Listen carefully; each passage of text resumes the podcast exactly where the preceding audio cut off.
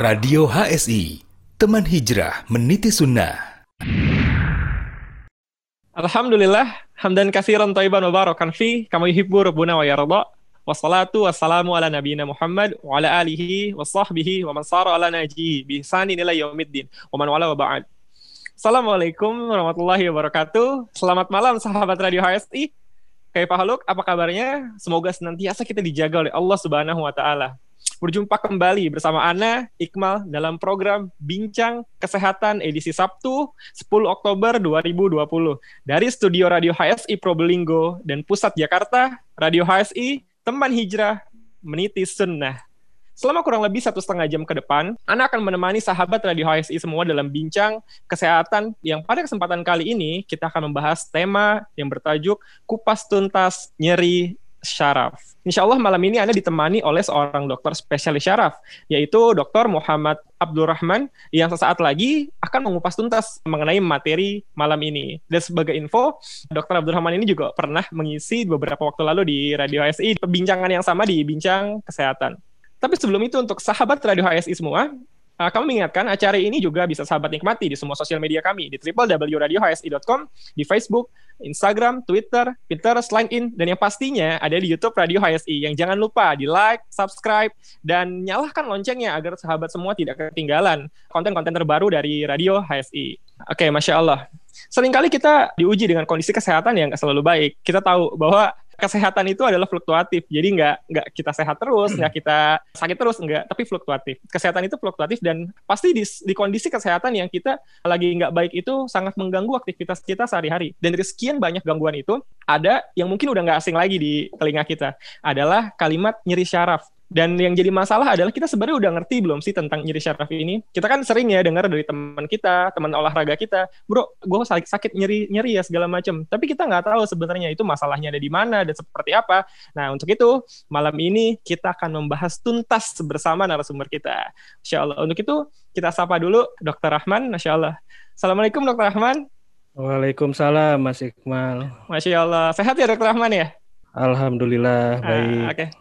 Nah, seperti yang tadi Anda sudah singgung di awal, bahwa Dokter Rahman beberapa pekan yang lalu pernah mengisi juga di Radio HSI. Anda perkenalkan sedikit nih buat sahabat Radio HSI mungkin yang belum kenal Dokter Rahman. Dokter Rahman bernama lengkap adalah Dokter Muhammad Abdul Rahman, SPS, dan beliau adalah lulusan dokter spesialis saraf di Fakultas Kedokteran Universitas Diponegoro tahun 2016. Dan untuk saat ini beliau adalah seorang dokter spesialis saraf di RSUD Gunung Jati dan RS Pelabuhan Cirebon 2016. Sampai dengan sekarang ya dok ya? Ya insya Allah. Mas Masya Allah. Nah dok kita masuk nih dok ya ke materi. Dok sebenarnya kan tadi yang udah anak singgung juga tuh di pembukaan bahwa kita tuh sering sih dengerin gitu kan teman kita ngeluh atau orang tua kita ngeluh bahwa sebenarnya apa sih kita nyeri ini sakit dan sebenarnya pengertian nyeri itu apa ya dok ya? Ya saya coba jawab ya para pemirsa anak-anak ada. Alhamdulillah pada kesempatan kali ini kita bertemu kembali dalam acara Bintang Sehat. Kebetulan kali ini saya mendapatkan tugas tentang temanya tentang kupas tuntas nyeri saraf. Jadi tentang nyeri sendiri, nyeri itu adalah pengalaman sensasional yang tidak menyenangkan akibat kerusakan jaringan yang dirasakan oleh seseorang. Jadi definisinya itu pengalaman sensasional yang tidak menyenangkan ya.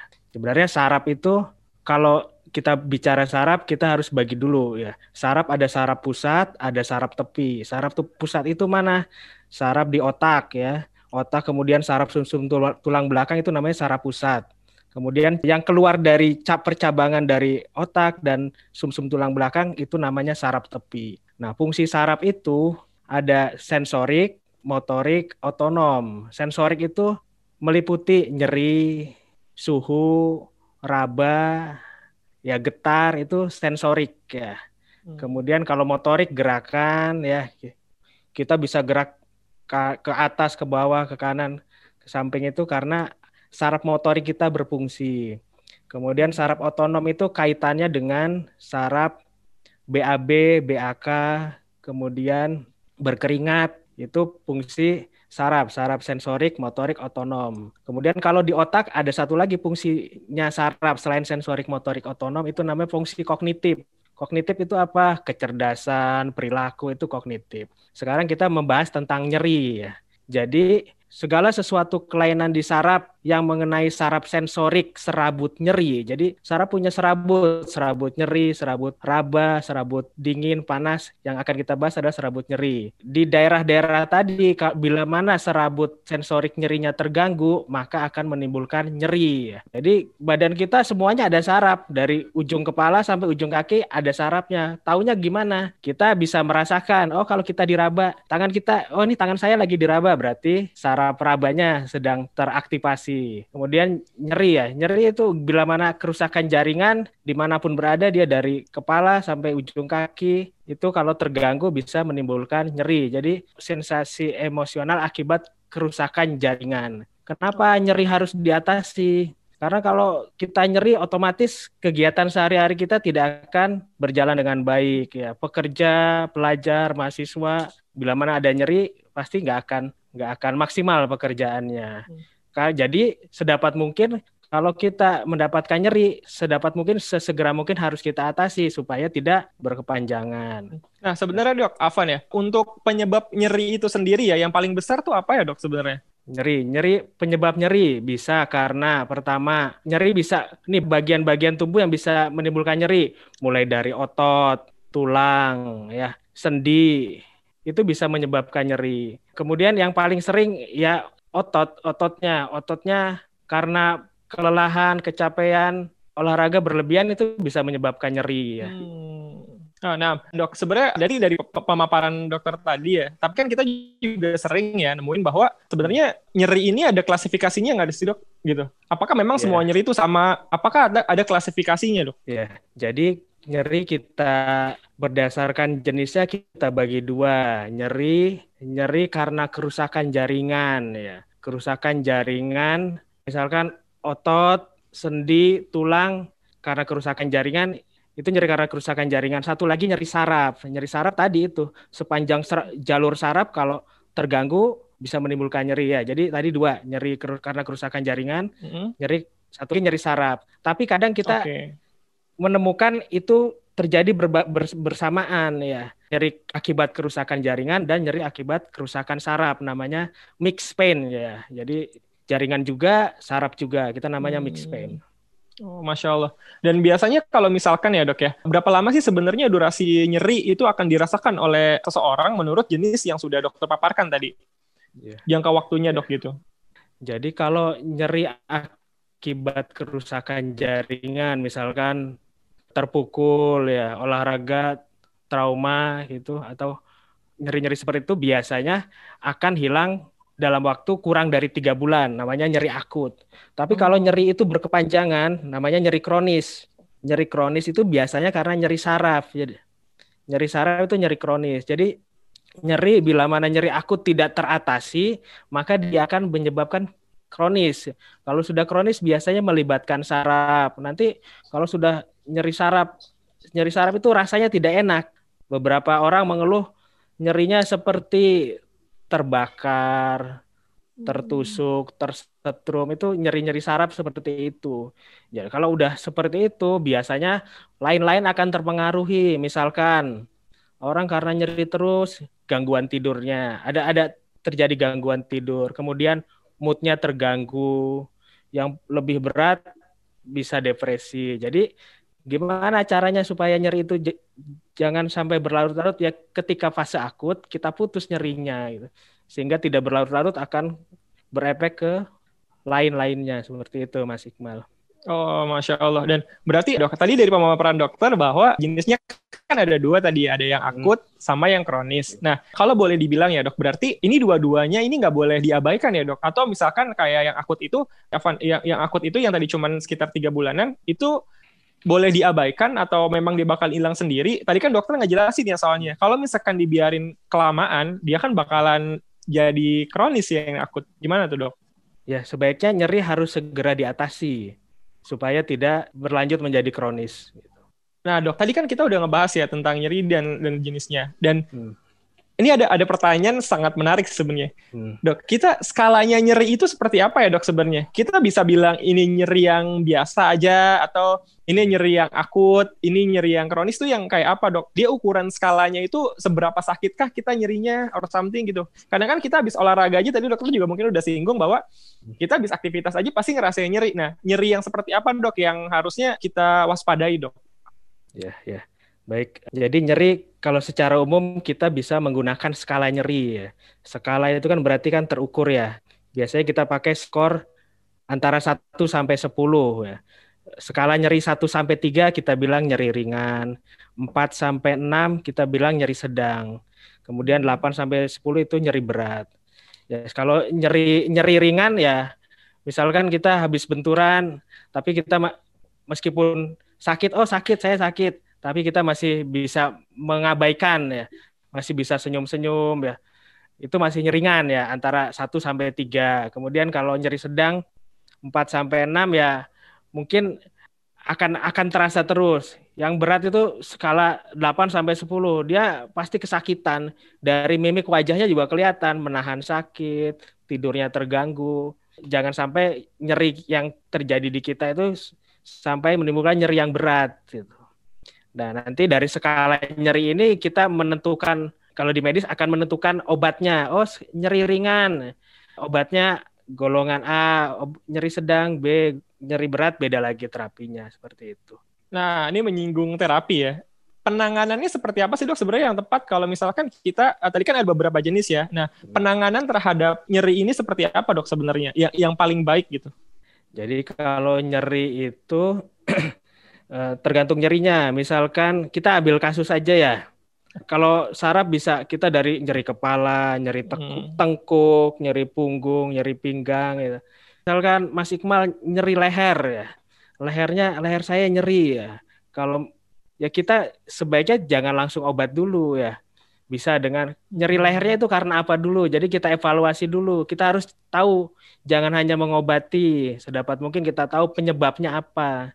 Jangan-jangan hmm. salah posisi ya. Misalkan Mas Iqmal siaran tapi mic-nya rendah. Jadi kan membungkuk terus itu. Hmm. Ketika Mas Iqmal membungkuk berjam-jam itu otot leher itu mengalami tarikan ke bawah ya. Jadi posisinya tidak ergonomis ya. Kita perbaiki dulu. Jadi kalau siaran mic-nya harus sejajar ya. Hmm. Atau sekarang orang main HP kebanyakan nunduk ini kan Iya. Yeah. Main HP nunduk ya.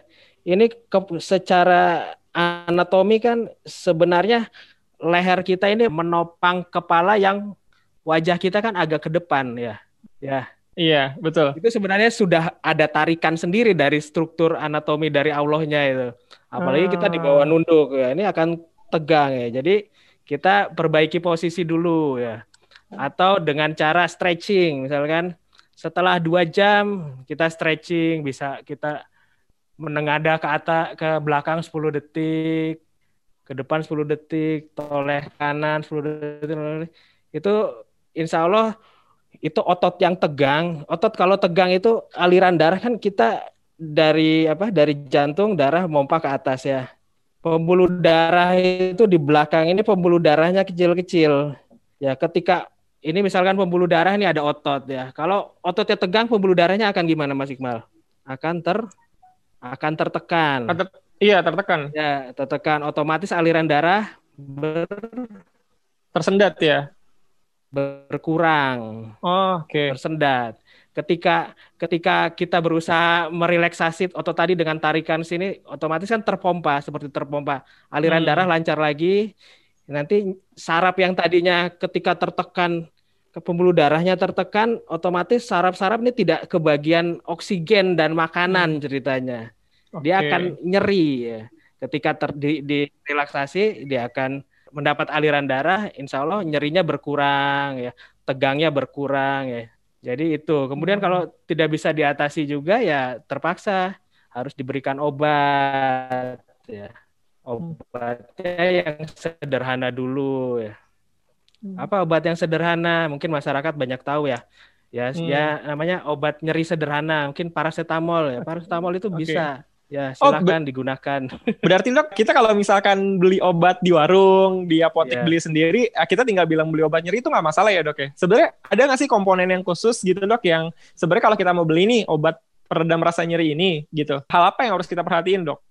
Yang pertama, kalau untuk nyeri-nyeri awal kan kita ada tahapannya ya. Kita pakai simple analgesik ya, simple obat nyeri sederhana ya paracetamol itu bisa digunakan sambil merubah yang tadi ya posisi dan lain-lain, silahkan gunakan paracetamol.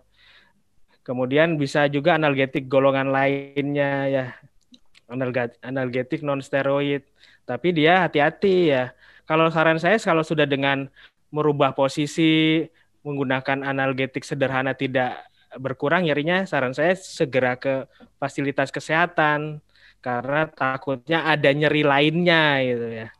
Nah, nah, berarti tadi itu ya dok ya kalau kita pengen milih dokter. Nah dok apa ya kelewatan mungkin tadi dokter menjelaskan ya bahwa faktor salah satu faktornya yang bikin kita nyeri adalah bisa dibilang beban pekerjaan atau kita tadi duduk gitu kan melakukan hmm. suatu gerakan. Nah sebenarnya ada nggak sih faktor lain gitu dok yang menyebabkan nyeri? Seperti mungkin usia dan segala macam tuh ada ngaruh nggak sih dok sebenarnya? Jelas jelas ya. Hmm. Faktor pekerjaan jelas ya. Hmm.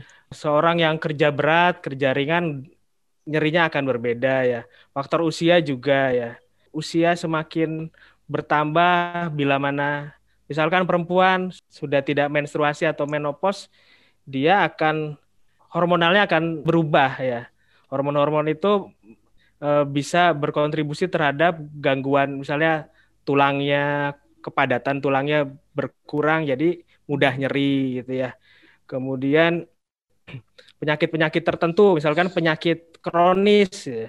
penyakit kronis sangat berpengaruh juga. Misalkan apa penyakit diabetes ya, diabetes hmm. itu nanti bisa menyebabkan nyeri-nyeri nyeri-nyeri saraf juga ya.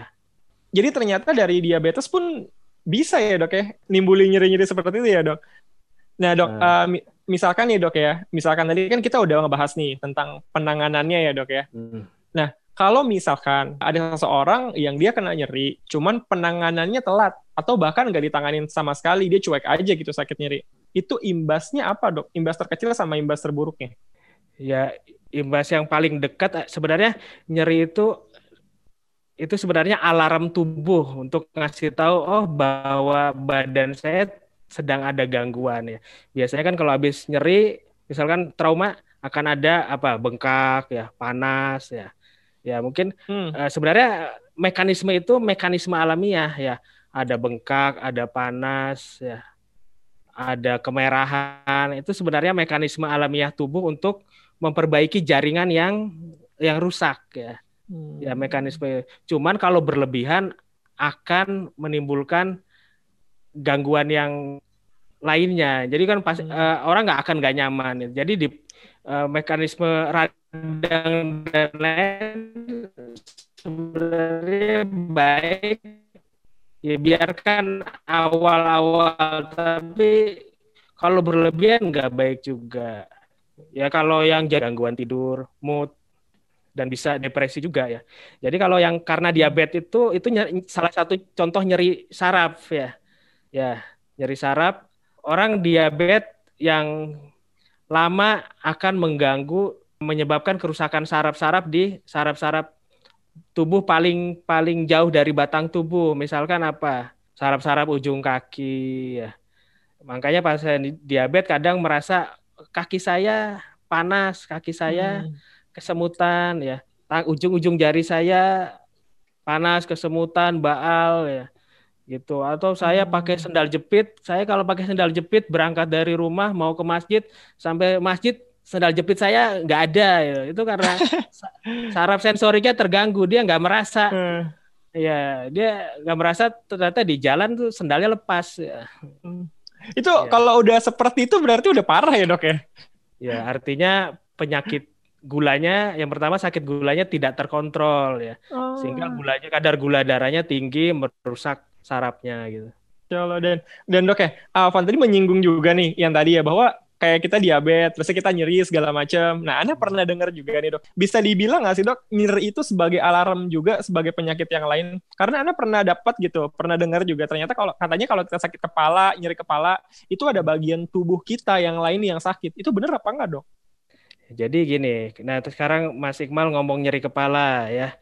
Jadi kalau nyeri kepala itu kita harus tahu. Jadi penyebabnya itu ya mesti yang ada di sekitar kepala. Misalkan apa?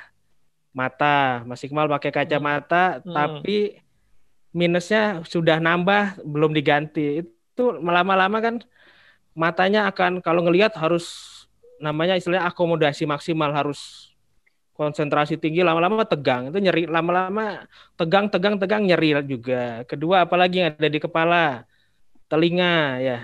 Gangguan di telinga misalkan apa ya ada infeksi itu juga bisa nyeri kepala. Kemudian apalagi gigi ya. Kelainan di gigi bisa menyebabkan nyeri kepala juga. Gigi bolong atau biasanya usia 20 tahunan, 30 tahunan itu ada ada gigi yang paling dia akan menekan saraf-saraf wajah di di tulang rahang ini. Bisa nyeri hmm. kepala juga. Oh. Hidung misalkan hidung ya hidung orang yang sering apa ya yang sinusitis menyebabkan sinusitis. Jadi dia ada infeksi di sinus-sinus di rongga-rongga wajah itu bisa nyeri kepala juga ya. Jadi hmm. nyeri kepala sebabnya itu bisa dicari. Kita cari dulu penyebabnya atau hmm. penyebab yang lain ya. Ya kalau terakhir-terakhir nggak ketemu semua normal, semua normal ya. Atau bisa aja tadi salah posisi kan nyerinya di sini ke kepala belakang juga. Hmm. Atau kalau nggak ketemu juga ya mungkin beban beban pekerjaan, beban pikiran itu paling terakhir. Hmm. Iya iya, itu kemungkinan terakhir ya dok ya. ya. Mungkin kayak ngilu-ngilu di kepala gitu. Ya. Oke siap dok, masya Allah. Anda jadi dapat jawaban dari pertanyaan Anda nih hari ini dan masya Allah dok. Ini pembahasannya luar biasa nih, makin menarik nih ke depannya. Nanti kita akan membahas bagaimana menanggulangi segala macam. Nah, tapi kita harus break dulu nih dok sejenak. Ya. Untuk sahabat radio HSI, jangan ke mana-mana. Siapkan kopi, cemilan, dan tetap di depan handphone Anda, komputer, dan di mana pun Anda berada. Kita rehat sejenak pendaftaran narasumber radio HSI. Alhamdulillah, seiring dengan berjalannya beberapa program di radio HSI, kami mengajak kepada para ikhwah untuk berkesempatan menjadi narasumber di radio HSI. Antum memiliki cerita menarik, pengalaman unik, kisah inspiratif, sharing kesehatan atau tibun nabawi, sampai tips dan trik lainnya.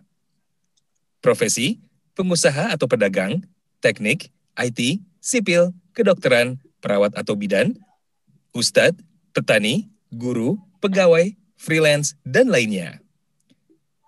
Nah, silahkan disalurkan melalui radio HSI. Eits, pastikan juga sumber cerita harus sahih dan tidak fiktif ya. Berikut adalah program Bincang Radio, Bincang Wirausaha, Bincang Kesehatan, Bincang Motivasi Hijrah, dan lain-lain. Yuk ikut bergabung dan ramaikan. Insya Allah, kebaikan sekecil apa pun yang kita berikan dapat menjadi jalan kebaikan yang besar bagi orang lain. Kita tunggu sharingnya ya. Jazakumullahu khairan. Barakallahu fikum. Radio HSI, teman hijrah meniti sunnah. Radio HSI, bersama melawan COVID-19. Sahabat Radio HSI, musim pandemi masih berlangsung di negara kita. Tingkatkan iman dan takwa kita Semoga Allah Subhanahu wa Ta'ala mengangkat musibah ini. Mari bersama kita secara disiplin terapkan adaptasi kebiasaan baru sebagai wujud kontribusi kita di dalam memutus rantai penularannya. Berikut kebiasaan baru yang harus kita terapkan. Satu, pakai masker. Dua, sering cuci tangan dengan sabun dan air mengalir. Tiga, jaga jarak 1-2 meter. Empat, perbanyak asupan gizi dan vitamin untuk tubuh kita. Lima, hindari bepergian tanpa keperluan yang penting atau mendesak. Sahabat Radio HSI, mari bersama-sama kita hentikan penularan COVID-19. Radio HSI, teman hijrah meniti sunnah. Sahabat Radio HSI, untuk menjadikan weekend Anda lebih bermanfaat, akan hadir menemani Anda dengan berbagai program menarik berikut ini. Setiap Jumat dengan program Bincang Wira Usaha. Melaporkan secara tetap begitu ya. Konteksnya lebih luas lebih luas sama ya. Iya benar.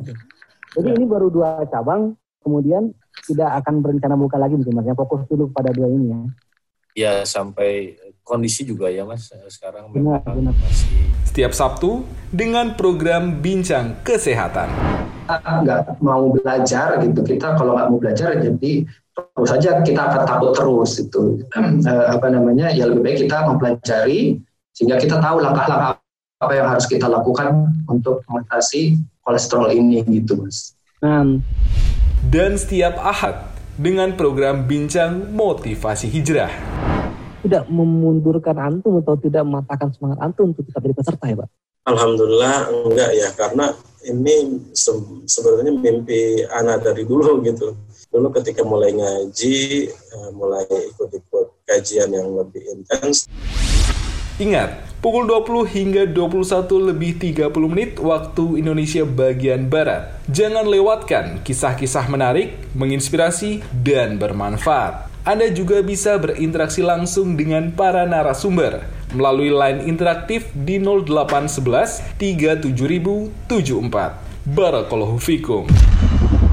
Radio HSI, teman hijrah meniti sunnah. Radio HSI, teman hijrah meniti sunnah. Masya Allah. Tadi kita udah membahas dengan Dr. Abdurrahman. Masya Allah hari ini kita tadi udah membahas tentang berbagai macam nyeri, gimana jenisnya, dan apa sih sebenarnya penyebab nyeri. Dan di line interaktif ini ada yang mau bertanya. Ada Dr. Abdurrahman, ada yang mau bertanya? Silahkan kepada yang ingin bertanya. Assalamualaikum dok, Waalaikumsalam Pak. Ana Said di Makassar dok mau bertanya. Ini kan Ana kan karyawan swasta gitu dok ya. Nah, hari-hari juga bekerja dengan mouse dan keyboard gitu ya. Cuman beberapa waktu belakangan ini itu yang sering terjadi adalah kayak nyeri di jari-jari gitu dok ya. Itu itu beberapa kali terjadi dan biasanya sih setelah Ana turunin gitu ya. Anak anak khawatirnya kalau mungkin eh, posisi duduk kah atau po- posisi memegang keyboard atau mouse itu yang yang kurang benar gitu ya Eh, sehingga seperti itu. Karena anak nggak nggak paham ilmunya jadi kadang-kadang biasanya sih anak cuman berhenti aja gitu ya beberapa saat gitu ya. Cuman semakin hari belakangan ini kok kayak semakin sering gitu dok ya. Dan itu kadang-kadang itu proses hilangnya nyeri itu kayak semakin lama gitu dok yang biasanya dulu-dulu itu eh, ya sebentar hilang gitu ya. Sekarang kok semakin lama itu apakah ini ada kaitannya dengan ap- apa itu ya? Anak nggak paham gitu ya. Mungkin boleh dijelaskan apa yang menyebabkan dan mungkin cara-cara mengobati atau kalau bisa sih menghilangkannya. Mungkin begitu dok. Ya, Syukran dok. Eh, saya boleh tanya dulu Pak Said, Ya silakan dok. itu tangan yang mana dulu yang yang ada gangguan tadi? Eh, lebih banyak yang kiri dok. Yang kiri. Nah, Mas, Sa- Mas Said kidal atau kinan? Ki- pakai tangan kanan atau tangan kiri kegiatan? tangan kanan. kanan, ya ya ya. Ya. Ya, baik, coba saya jawab ya. Terima kasih pertanyaannya Pak Said di Makassar ya. Jadi kalau nyeri pada tangan ya, masih kita kita bagi lagi itu karena sendinya atau karena sarafnya ya. Tadi Mas Said eh, ngatakan yang kiri ya. Biasanya orang yang kanan ya karena kita kan lebih banyak menggunakan kanan. Kemudian tadi Pak Said kan kerjanya di depan laptop, di mouse ya. Bisa jadi ya, bisa jadi itu ketika Mas Said ngetik ya. Ini pergelangan tangan menyentuh meja ya. Jadi di pergelangan tangan ini terpapar dengan benda keras ya. Ringan bukan karena benturan berat. Namanya trauma ringan, mikrotrauma, tapi terjadi terus-menerus berhari-hari, berbulan-bulan. Lama-lama di sini itu ada saraf saraf yang ke arah jari-jari ya. Ke arah jari, dia kalau terpapar, tertekan terus-menerus lama-lama dia akan akan luka sarafnya. Efeknya apa? Ini kalau karena saraf ya.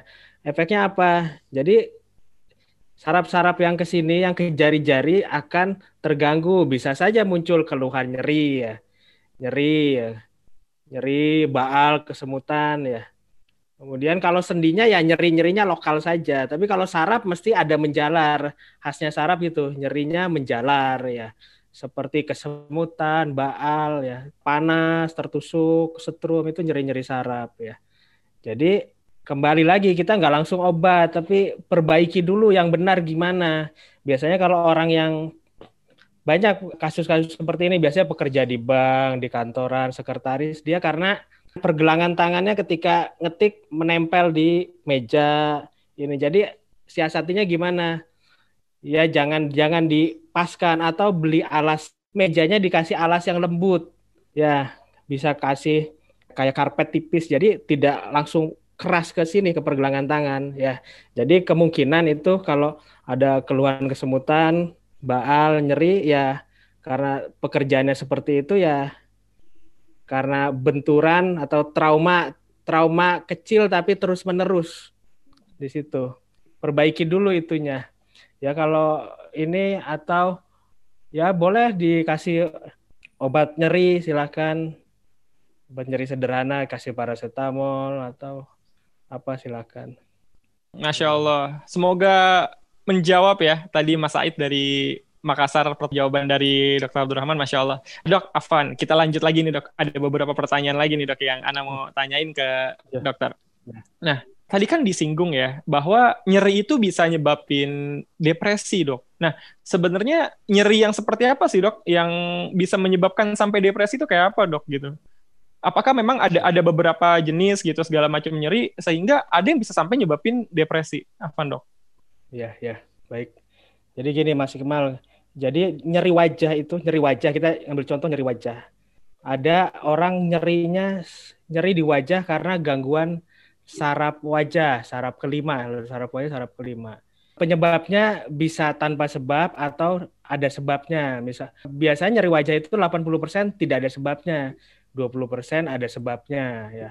Dia ada pen, ada gangguan di saraf wajah, dia akan pasien akan mengeluhkan nyeri seperti terbakar, tersayat-sayat. Tapi sebentar ya, kurang dari dua, dua menit udah selesai. Ter lagi bicara, ter wah nyerinya bukan main. Lagi gosok gigi, ter muncul. Itu kan sangat mengganggu sekali. Orang nggak mungkin nggak bicara. Iya. Ketika bicara baru satu dua kata ter ter itu itu nyeri itu nyeri yang bisa kalau tidak diatasi, diobati, dia akan berlanjut kan nyeri-nyeri tidak teratasi ya. Itu skalanya skala yang nyeri berat ya. Aktivitas biasa saja dia terganggu ya. Apalagi kadang malam muncul juga lagi tidur terganggu. Itu yang bisa misalkan karena nyeri tidak teratasi, dia tidurnya kurang ya. Ya, tidur kurang tidur kurang nanti paginya kerjanya tidak konsentrasi ya. Tidak hmm. konsentrasi, hasil kerjanya tidak maksimal apa dari atasannya ditegur terus terus lama-lama stres stres menimbulkan depresi bisa hmm. bahkan pasien-pasien seperti itu dok saya rasanya pengen mati saja Astagfirullah sampai seperti itu ada seperti itu oh.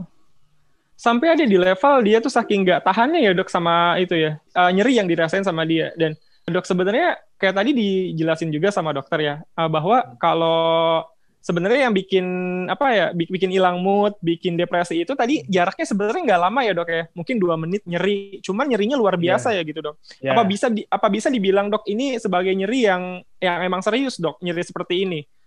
Kalau dari pasien dia bilangnya nggak nyaman, sangat sangat sangat tidak enak ya. Hmm. Nyerinya seperti ditusuk, seperti disetrum, bayangin.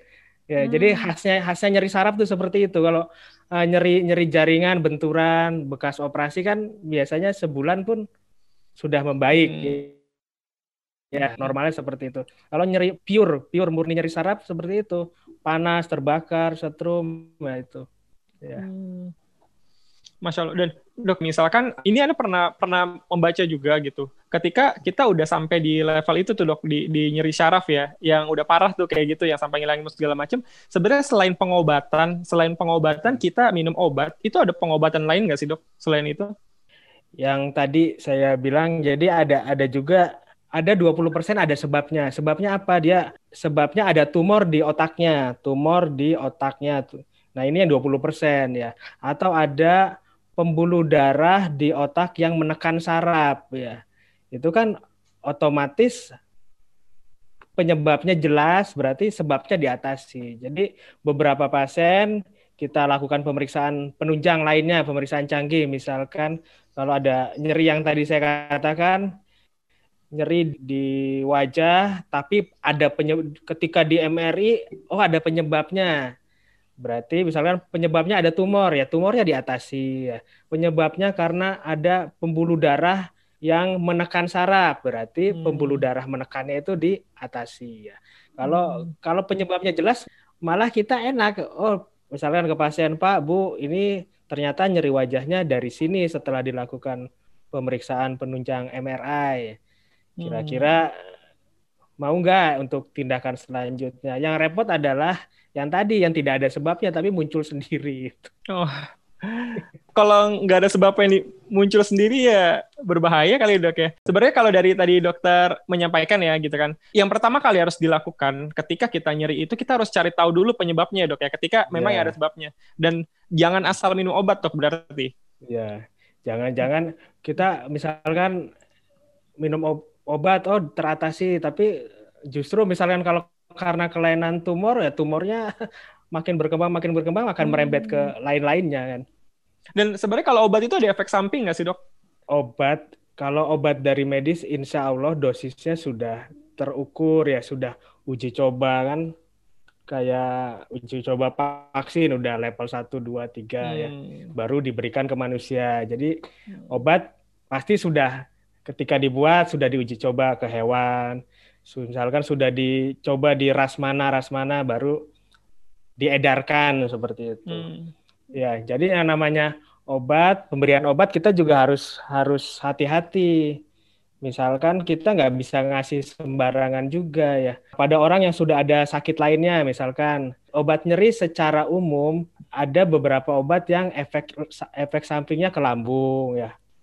Ya, kalau pasiennya udah sering gastritis atau sakit lambung, sakit mah kronis ya kita harus hati-hati. Jadi pilihlah obat yang tidak mengiritasi lambung ya. Hmm. Orang dengan gangguan gangguan ginjal ya otomatis kita juga orang dengan gangguan ginjal maka dia akan ekskresi atau pengeluaran zat-zat di tubuhnya sudah terganggu. Mau nggak mau obatnya obat akan beredar terus dan akan hmm. memperberat kerja ginjal. Jadi kita kita sesuaikan dosis juga. Mungkin kita kurangi ya. Kemudian selain itu juga obat beberapa orang ada efek samping, misalkan misalkan alergi, kita harus pertimbangkan ya hati-hati kalau alergi maka obatnya stop. Nanti datang lagi ke paskes yang ngasih obat supaya diganti golongan lainnya. Hmm. Seperti itu. Atau kalau kalau obat-obat ada juga obat-obat saraf yang diminum justru malah efeknya ngantuk, jadi limbung. Hmm. ya, jadi jadi perlu komunikasi lah intinya. Hmm. Biar supaya orang tidak kaget loh, kok diobatin malah limbung, malah ngantuk ini. Itu, itu ternyata memang efek samping aja ya dok ya, dari obatnya ya. Ya biasanya oh. uh, biasanya sih adaptasi awal ya, oh, tapi nanti kalau udah tiga hari lima hari ada ada adaptasi jadi hmm. efek itu berkurang. Hmm. Jadi mungkin sarannya ya, sarannya utama yang tadi saya tangkap, berarti lebih baik konsultasi dulu ya ke dokter ya daripada eh, misalkan kita mungkin kalau kita kan nggak tahu nih masalahnya seberat apa nyeri kita, lebih baik mungkin kita ke hmm. konsultasi dulu kali dok ya ke rumah sakit atau something. Iya, jadi misalkan kalau dia nyeri ringan kan otomatis misalkan tadi Mas Iqmal habis siaran tengkuknya sakit, lehernya sakit, mm. atau tadi kepalanya sakit. Oh ternyata kacamata saya minnya nambah, coba saya atasi mm. dulu, hilang. Oh, ya udah hilang ya. Oh. Atau tadi terlalu banyak nunduk kalau siaran mic-nya kurang tinggi, ya itu diatasi mm. dulu ya. Ketika itu diatasi, nyerinya berkurang ya sudah. Tapi kalau setelah diatasi ini itu kok nyerinya malah melebar ke yang lain, nyerinya menjalar ke lengan. Oh ini berarti tidak cukup dengan merubah gaya hidup, merubah apa dengan obat nyeri sederhana berarti ya silakan ke fasilitas kesehatan.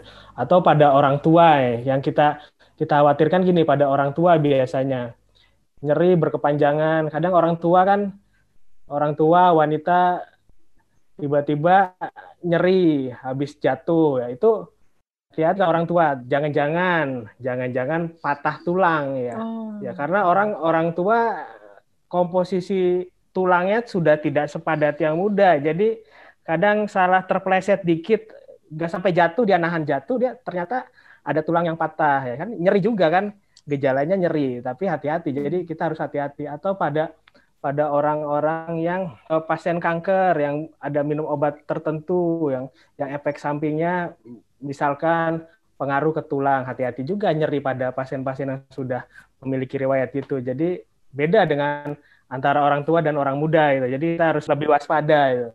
Oh, jadi uh, pada usia yang mungkin yang udah berumur ya dok ya, itu mungkin ya. itu yang lebih harus diwaspadain ya dok. Yang tadi ya. mungkin dibilang bahwa uh, ketika usia itu kita harus mendingan cek ke dokter karena kita nggak tahu nih mungkin karena tulang dan segala macam karena tulang ya. itu juga bisa menyebabkan nyeri ya dok ternyata. Iya. Oh, masya Allah ya. siap. Kan tadi di awal uh, bilang bahwa bagian tubuh hmm. ada sarafnya, kecuali ya. apa? Kecuali rambut mungkin ya. Hmm. Rambut, rambut dipotong tidak nyeri ya. Oh iya. Oh kalau kalau kalau rambut dipotong nyeri agak ngeri juga ya dok. iya. Allah. Kuku dipotong hmm. nggak hmm. nyeri ya. Cuman kuku kan ada indera perasa. Oh kita raba kuku. Nah jadi ada saraf rabanya ada ya. Hmm. Ini rambut juga diraba, oh ada, tapi dia komponen nyerinya tidak ada, serabut nyerinya tidak ada, makanya ketika dipotong rambut tidak kesakitan kitanya. Hmm, Masya Allah, Masya Allah. Ini semakin menarik nih pembahasannya. Dan dok, ada beberapa pertanyaan juga yang udah masuk. Kita akan break sejenak dok. Nanti akan dibacakan setelah break. Untuk sahabat Radio HSI, jangan ke mana-mana. Akan ada pembincangan yang juga menarik setelah break yang satu ini.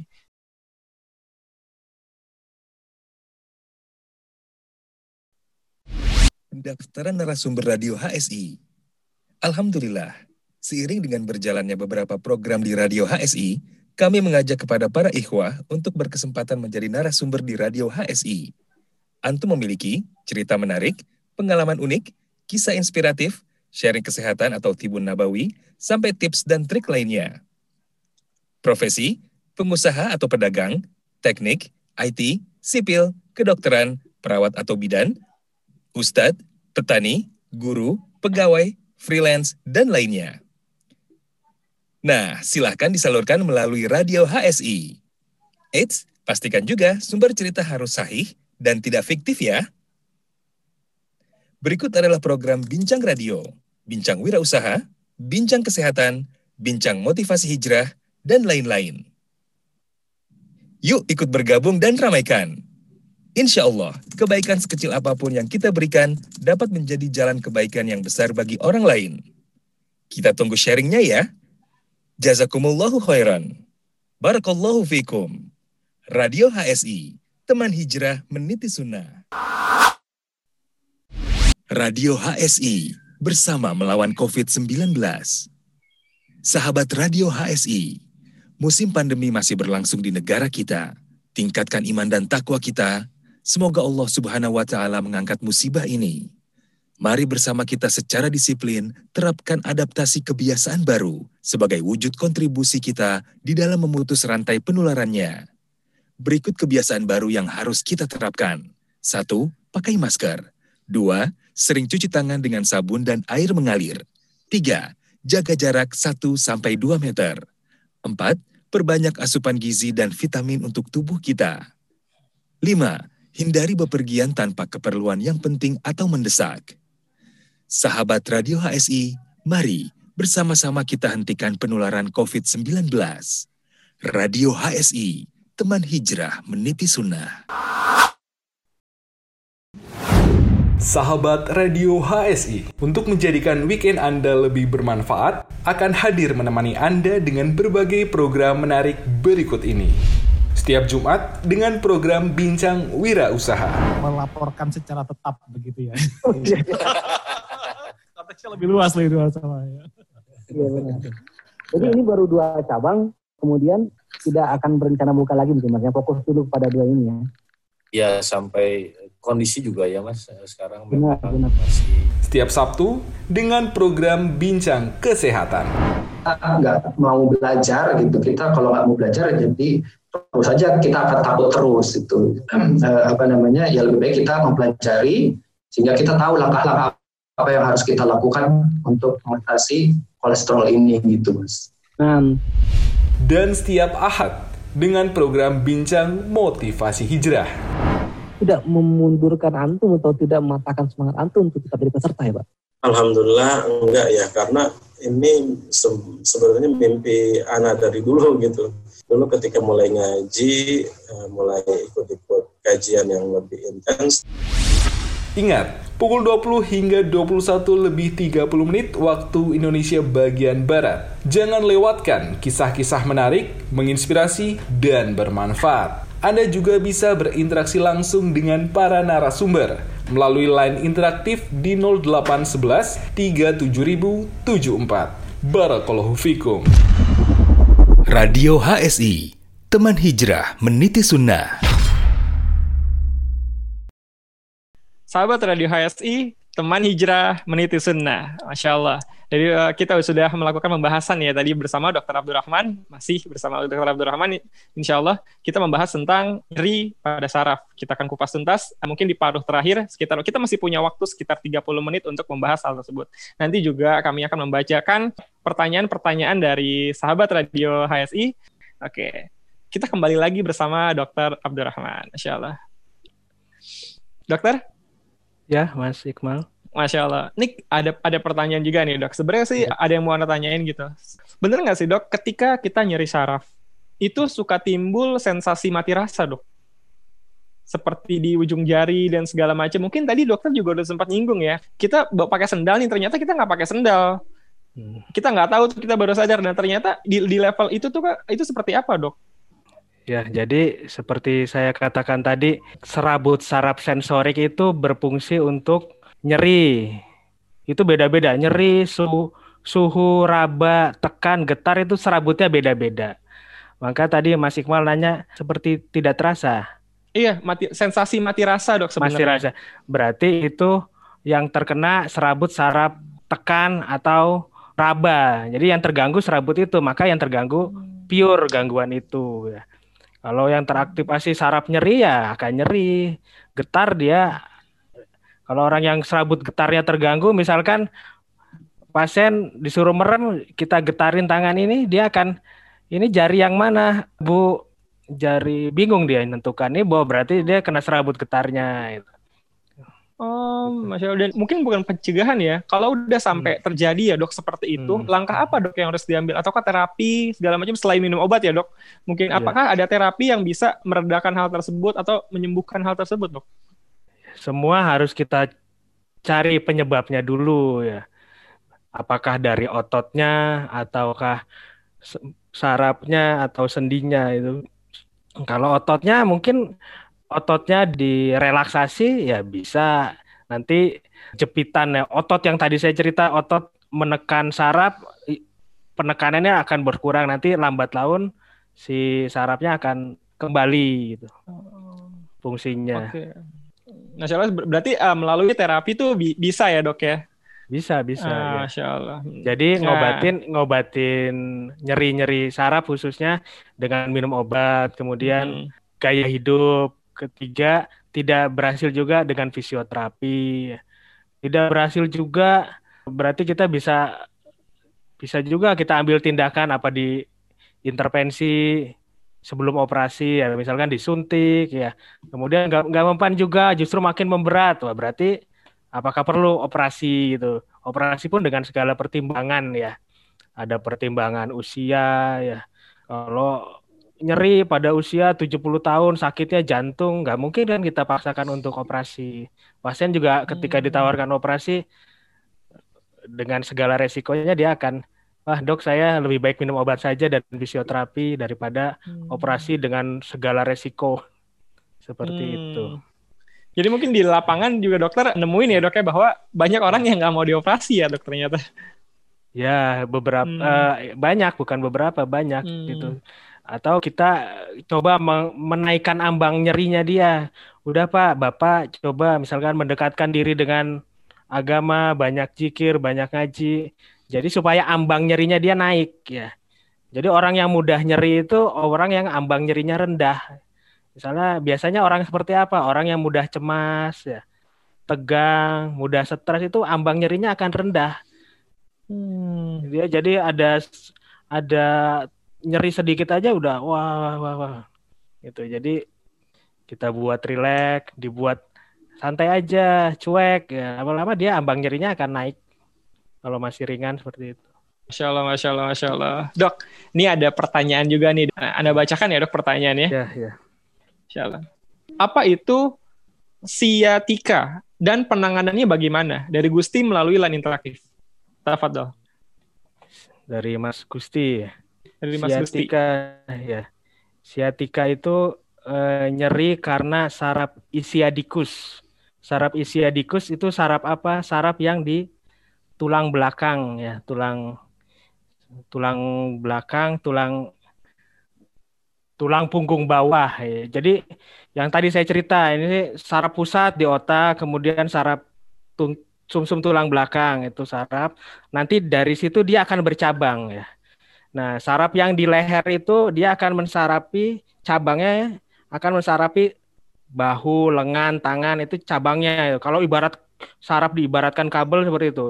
Dari sini gardunya terus ke leher nanti bercabang. Kalau yang ischiatika itu saraf dari punggung bawah dia akan bercabang ke akan mensarapi paha, betis, kaki ya. Jadi hmm. nyerinya gimana kalau nyeri siatika? Nyerinya menjalar. Jadi eh, penyebabnya di mana? Penyebabnya kelainan di punggung bawah, bisa dari otot ya, bisa dari tulang, bisa dari sendi, pokoknya segala sesuatu yang bisa menyebabkan luka pada saraf siatika tadi, saraf isiadikus. Jadi nyerinya akan akan menjalar ke bawah. Kelainannya di punggung bawah tapi dia menjalar bisa sampai ke paha, ke kaki. Karena kabel sarafnya begitu bercabang. Jadi problemnya di pangkal maka cabang-cabang yang di kaki akan terganggu gitu. Seperti itu. Menanganinya gimana? Ya seperti tadi kita menanganinya kita cari penyebabnya. Ya ototnya kah? Kalau otot tadi misalkan kalau punggung bawah kita bisa ototnya kita kita relaksasi ya. Ya, atau kalau tulang belakangnya bermasalah ya tulangnya diobati. Tulang belakang ada bantalan tulang yang kadang beberapa orang yang pekerja berat atau trauma kadang Eh, bantalan tulang belakangnya itu memipih, kemudian dia akan menekan saraf, itu yang diperbaiki. Seperti itu. Jadi siatika itu nyeri nyeri menjalar akibat kelainan pada saraf di tulang belakang yang di punggung bawah. Hmm. Keluhannya apa? Nyeri menjalar bisa bisa salah satu bisa tungkai kanan saja. Ya kalau kena saraf ya keluhannya tadi sensoriknya terganggu, motoriknya terganggu, otonomnya terganggu. Kalau sensorik bisa nyeri, suhu, raba terganggu, motorik bisa lemes. Hmm. Uh, terus otonom apa BAK, BAB-nya terganggu. Nah itu kalau ada keluhan kakinya jadi lemes, BAB, BAK-nya terganggu itu harus waspada kita itu harus kita cari hmm. penyebabnya itu yang menyebabkan nyeri jangan diabaikan yang kalau muncul kayak gitu harus kita explore lebih jauh, cari penyebabnya, mungkin operasi malah. Hmm. Ya. Apalagi kalau masih muda, laki-laki nyeri siatika sampai kakinya lemes, BAB BAK-nya terganggu, kan kasihan usia produktif laki-laki pemimpin hmm. kepala keluarga. Jadi harus tuntas. Oh. Beda dengan laki-laki 70 tahun nyeri ya ya tetap kita atasi cuman kan beda hmm. harus lebih agresif mana oh iya ya mungkin ya. karena ketika usianya sudah ada umur mungkin ya memang karena bawaan usia juga ya dok ya tapi ketika ya. ketika kita umurnya masih muda itu ya harus ditangani baik-baik ya dok ya Sebelum, ya. tadi dokter uh, agak serem juga sih denger dokter tadi gitu kalau misalnya udah nyeri ketika BAB dan kakinya lemes gitu lebih baik disarankan langsung ke dokter ya buat konsultasi ya dok ya Hmm, Masya Allah. Ya. Itu pertanyaan selanjutnya, dok. Melalui line interaktif lagi. Assalamualaikum, dok. Anatomi, Qadarullah Ibu Ana sering mengalami nyeri dan kreat tangan sebelah kanan dan juga kesemutan di kedua kaki. Beliau kader dan banyak kegiatan. Beliau menulis dan duduk baik leher atau di meja. Sementara itu kalau lagi kumat, Ibu Ana sampai sulit buat berdiri dan ketergantungan obat. Kira-kira apa ada solusi selain obat ya dok yang terus-menerus jazakallahu khairan? Terima kasih atas pertanyaannya ya. Mungkin kalau perlu ditanya juga ibunya usia berapa ya. Kedua, tadi kan kakinya dua-duanya ya, kanan kiri tapi tangan yang kanan ya. Kita kalau yeah. tangan kanan mungkin banyak aktivitas menulis ya. Hmm. Kanan tadi kader ya, tadi katanya kader. Iya. Yeah. Ya. Kedua, ibu perempuan. Perempuan pasti usianya udah kalau ibu berarti udah di atas 50 tahun mungkin ya. Ya, itu kan pasti sudah menopause ya. Gemuk tidak ya. Kalau gemuk beda lagi ya. Kan usia perempuan sudah menopause, gemuk tidak itu akan pengaruh. Kenapa? Karena kalau gemuk itu kan otomatis tulang ini kan penyangga tubuh ya. Biasanya kalau kalau usia-usia gitu orang awam bilang kalau kalau di ronsen ya, misalkan tadi saya dengarnya nyerinya menjalar sampai leher, menjalar sampai tangan itu berarti udah sarafnya sudah mulai ada terganggu. Usia-usia segitu wanita biasanya sudah mulai ada kalau di ronsen istilahnya orang awam bilang ada pengapuran ya. Kenapa pengapuran bisa bikin nyeri ya? Karena adanya pengapuran di ujung-ujung tulang belakang itu dia akan eh, membuat saluran saraf itu jadi sempit ya. Otomatis saraf yang ke situ akan teriritasi atau luka ya. Ya. Cara caranya gimana? Ya tetap uh, posisinya ibunya kalau menulis gimana jadi sudah ada kelainan jangan diperberat lagi dengan aktivitas yang membungkuk angkat-angkat berat ya jadi edukasi Eh, menjelaskannya edukasinya banyak ya. Misalkan ibu nulisnya harus yang tadi, kemudian nggak boleh angkat junjung berat-berat. Nah, ibu kalau terpaksa ngangkat jangan bungkuk. Kenapa jangan bungkuk ya?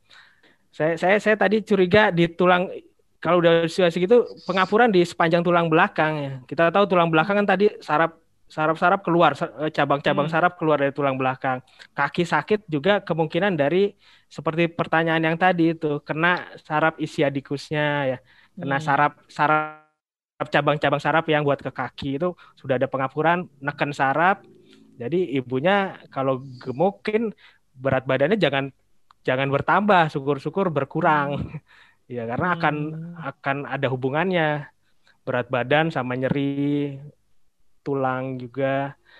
Ya obat gimana obat? Obat ya mesti ibunya sudah dapat obat nyeri ya. Obat nyeri dan obat nyeri saraf ya. Ya kalau obat kalau biasanya obat saraf obat saraf itu nggak oh, nggak akan langsung sembuh ya. Misalkan hmm. kalau orang batuk pilek diare dikasih obat itu sembuh. Tapi saraf perbaikan saraf itu butuh waktu.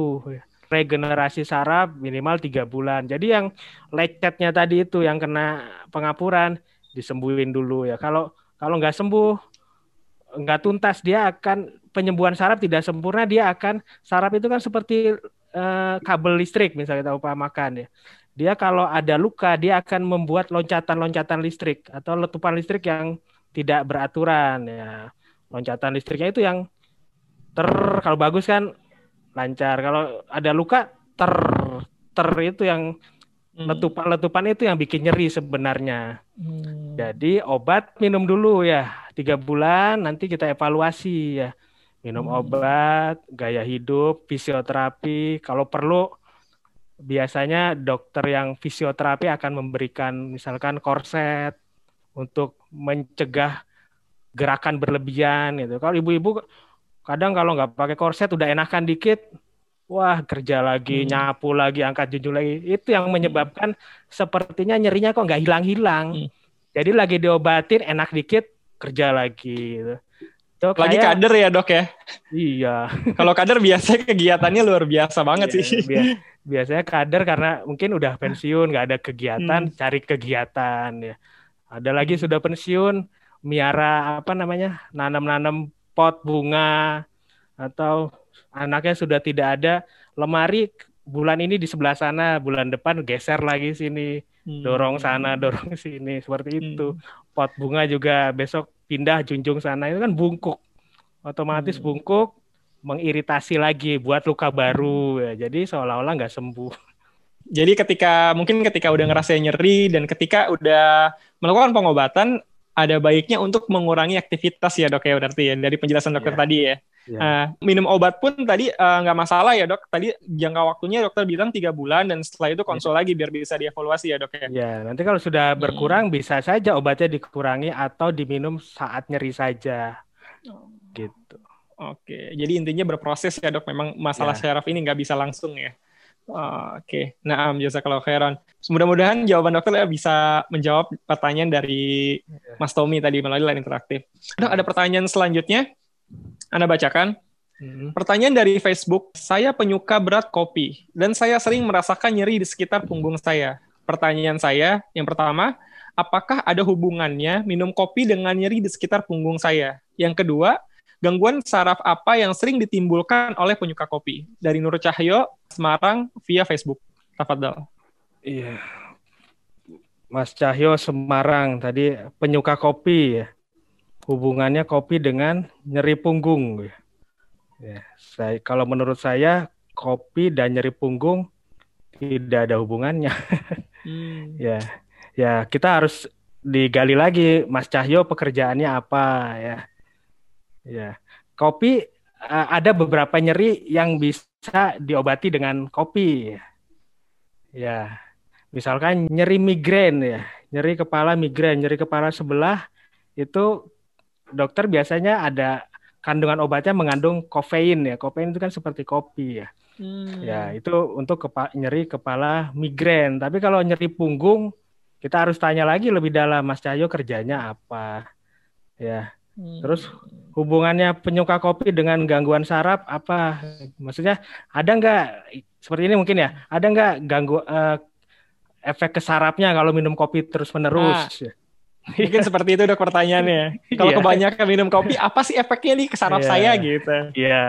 ya kopi kan dia punya efek simpatis ya. Simpatis tuh meningkatkan memacu jantung ya jantung lebih lebih cepat berdetaknya. Terus orang orang kalau ngantuk kan kasih kopi ya beberapa orang jadi melek ya. Mungkin hmm. kalau minum kopi seringan tidurnya terganggu ya. Nanti paginya jadi gimana gimana itu. Jadi hubungan jangka panjang, hubungan tidak langsung sepertinya ya. Hmm. ya. Jadi hubungannya hubungan jangka panjang ya dok ya. Selama iya. kita minum. Oh, iya. Hubungan Jadi, tidak langsung. Uh, hubungan tidak langsung betul. Tepatnya iya. hubungan tidak langsung. Jadi iya. selama iya. kita minum kopi, kalau kita minum kopi ya selama kita bisa ngejaga yeah. waktu tidur kita ya nggak yeah. sampai begadang, yang sampai nggak ngeganggu aktivitas kita, berarti kopi nggak masalah ya dok ya. Iya. Kalau minum kopi jadi melekan, besok pagi harus kerja jam 7 kan lama-lama fisik juga terganggu ya. Iya. Hmm.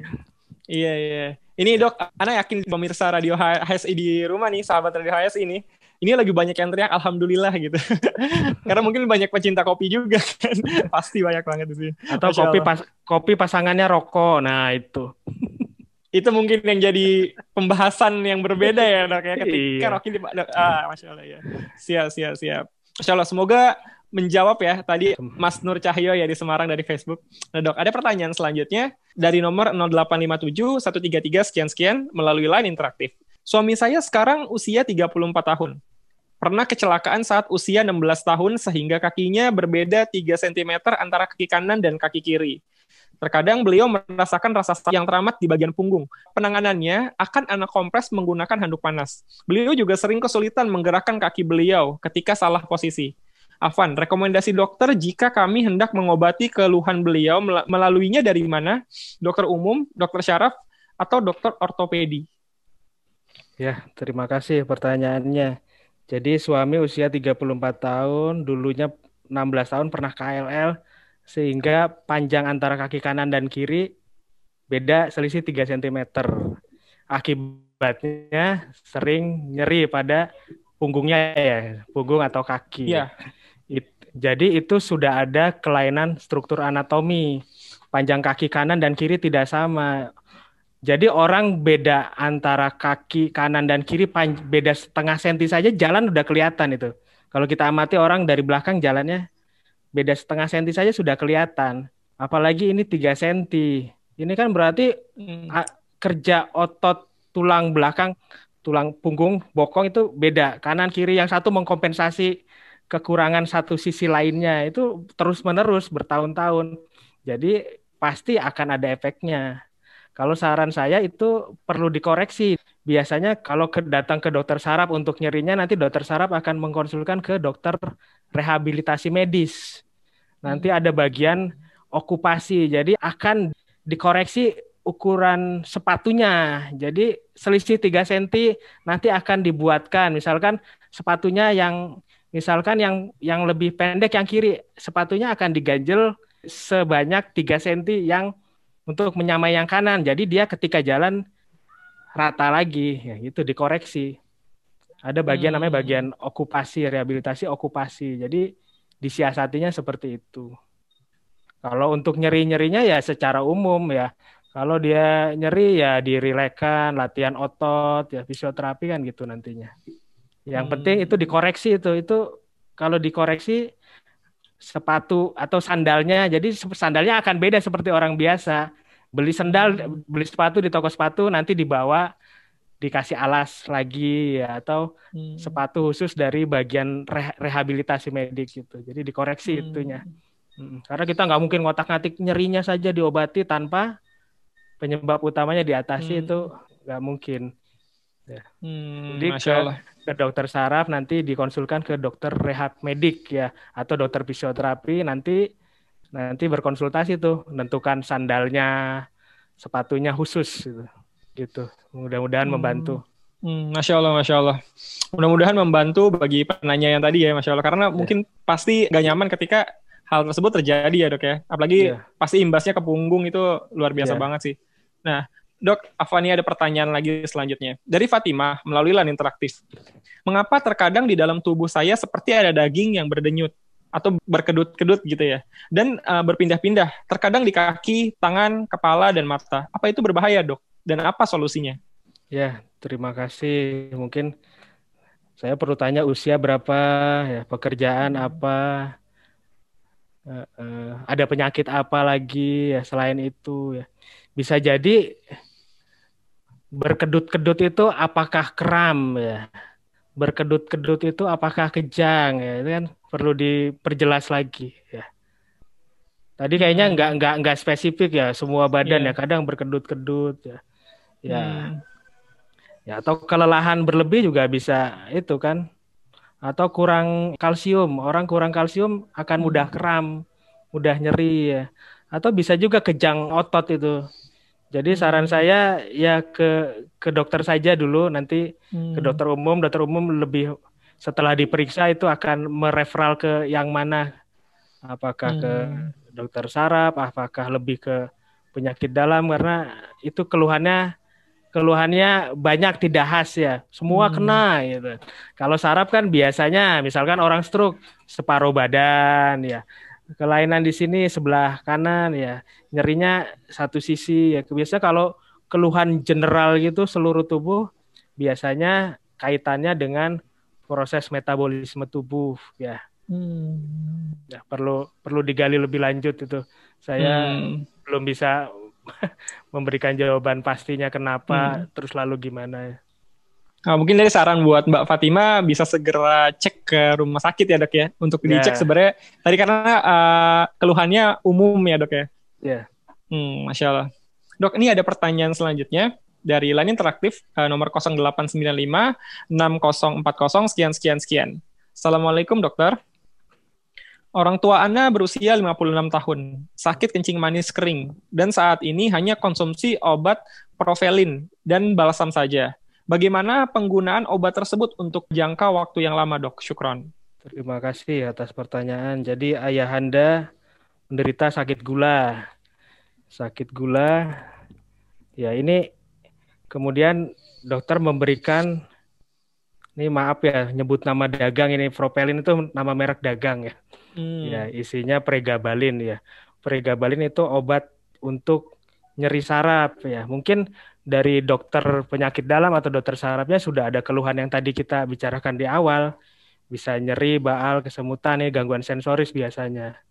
Ya, nyeri pada diabetes kadang-kadang nyerinya nyeri hebat sekali ya. Ya. E, sampai kapan dikonsumsi ya?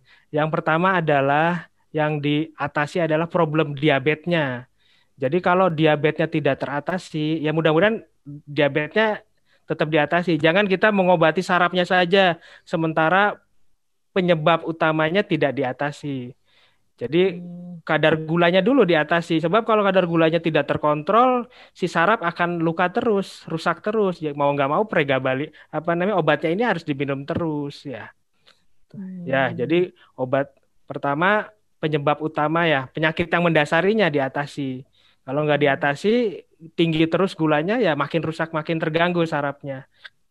Ya, jadi nanti gula dicek tiap bulan berapa, terus karena mengkonsumsi obat lainnya mungkin fungsi ginjal juga dicek.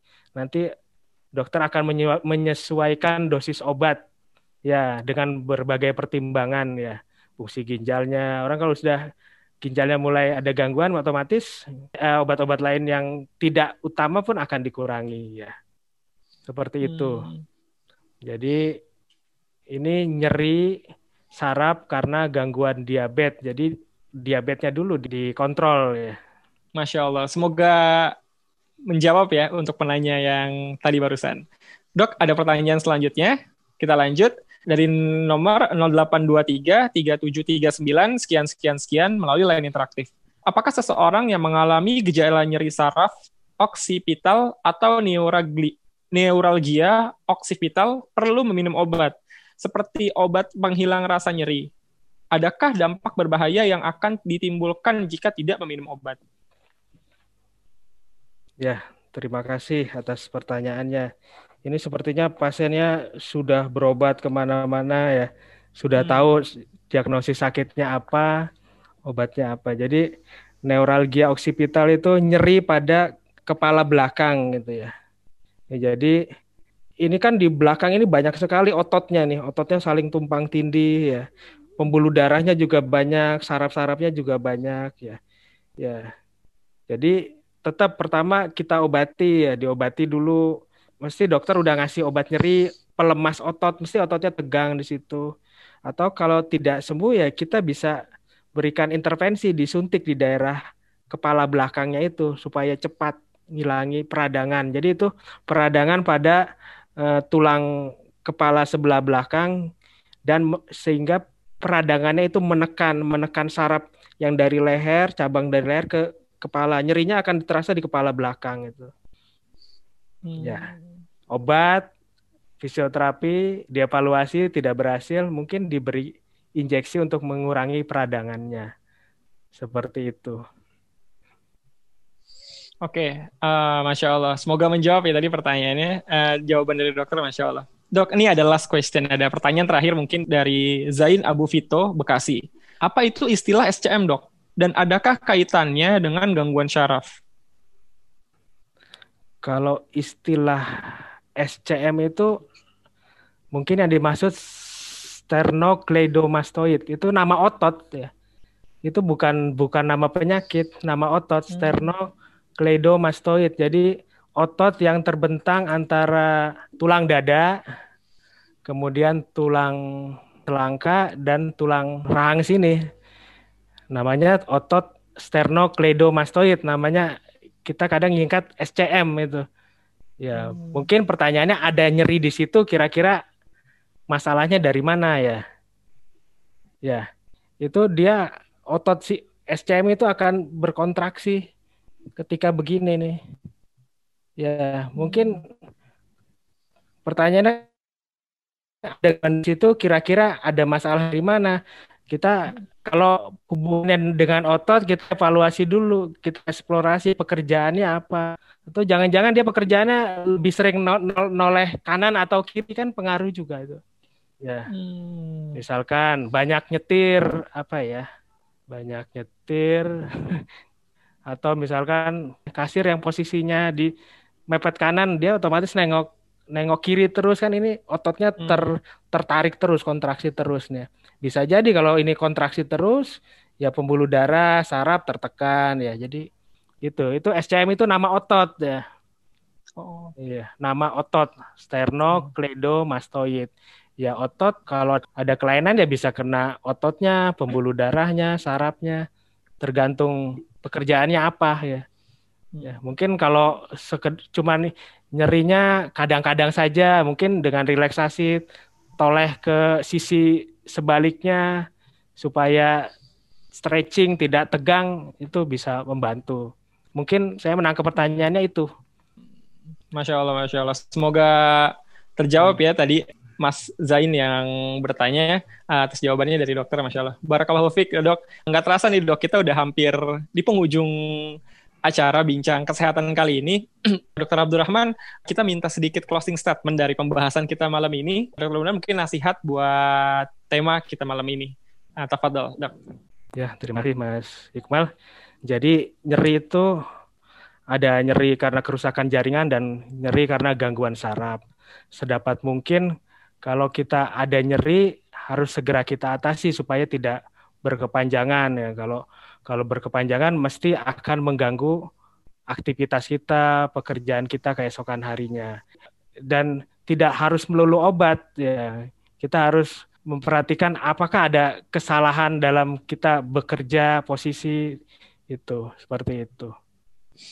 Masya Allah, Masya Allah. Barakallahu fikum, Dr. Abdurrahman. Alhamdulillah, kami dari tim Radio HSI mengucapkan jazakallahu khairan untuk uh, Dr. Abdurrahman atas ilmunya yang disampaikan malam ini. Masya Allah ini banyak banget yang faedah yang bisa diambil. Tadi juga uh, banyak banget interaksi dari para, para sahabat Radio HSI yang bertanya itu Masya Allah banget. Mudah-mudahan setiap jawaban dokter bisa menjadi jawaban bagi pertanyaan dari teman-teman semua tadi dan semoga ini bisa menjadi pahala juga buat kita semua ya dok ya insya Allah. Amin amin mudah-mudahan nah. bisa menjawab pertanyaan tadi dari pemirsa. Hmm. Hmm, Masya Allah, Masya Allah, Masya Allah.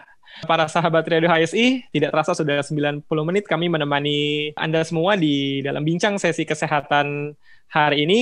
Dan uh, jangan lupa besok ada bincang motivasi hijrah. Pantau terus website kami, pantau terus medsos kami di www.radiohsi.com, di Facebook, Instagram, Twitter, LinkedIn, YouTube, dan jangan lupa di di subscribe dan dinyalakan loncengnya agar agar teman-teman tidak ketinggalan acara-acara Radio HSI yang kita update di YouTube. Masya Allah. Nah, baik, kita tutup cara hari ini. Semoga Allah senantiasa mengistiqomahkan kita semua di jalannya yang lurus dan memberikan kita taufik dan terus memberikan kita kemudahan agar kita bisa beramal soleh. Kita tutup dengan doa kafaratul majlis. Subhanakallahumma wa bihamdika asyhadu alla ilaha anta astaghfiruka wa atubu ilaik. Kurang lebihnya kami mohon maaf. Wassalamualaikum warahmatullahi wabarakatuh. Radio HSI, teman hijrah meniti sunnah.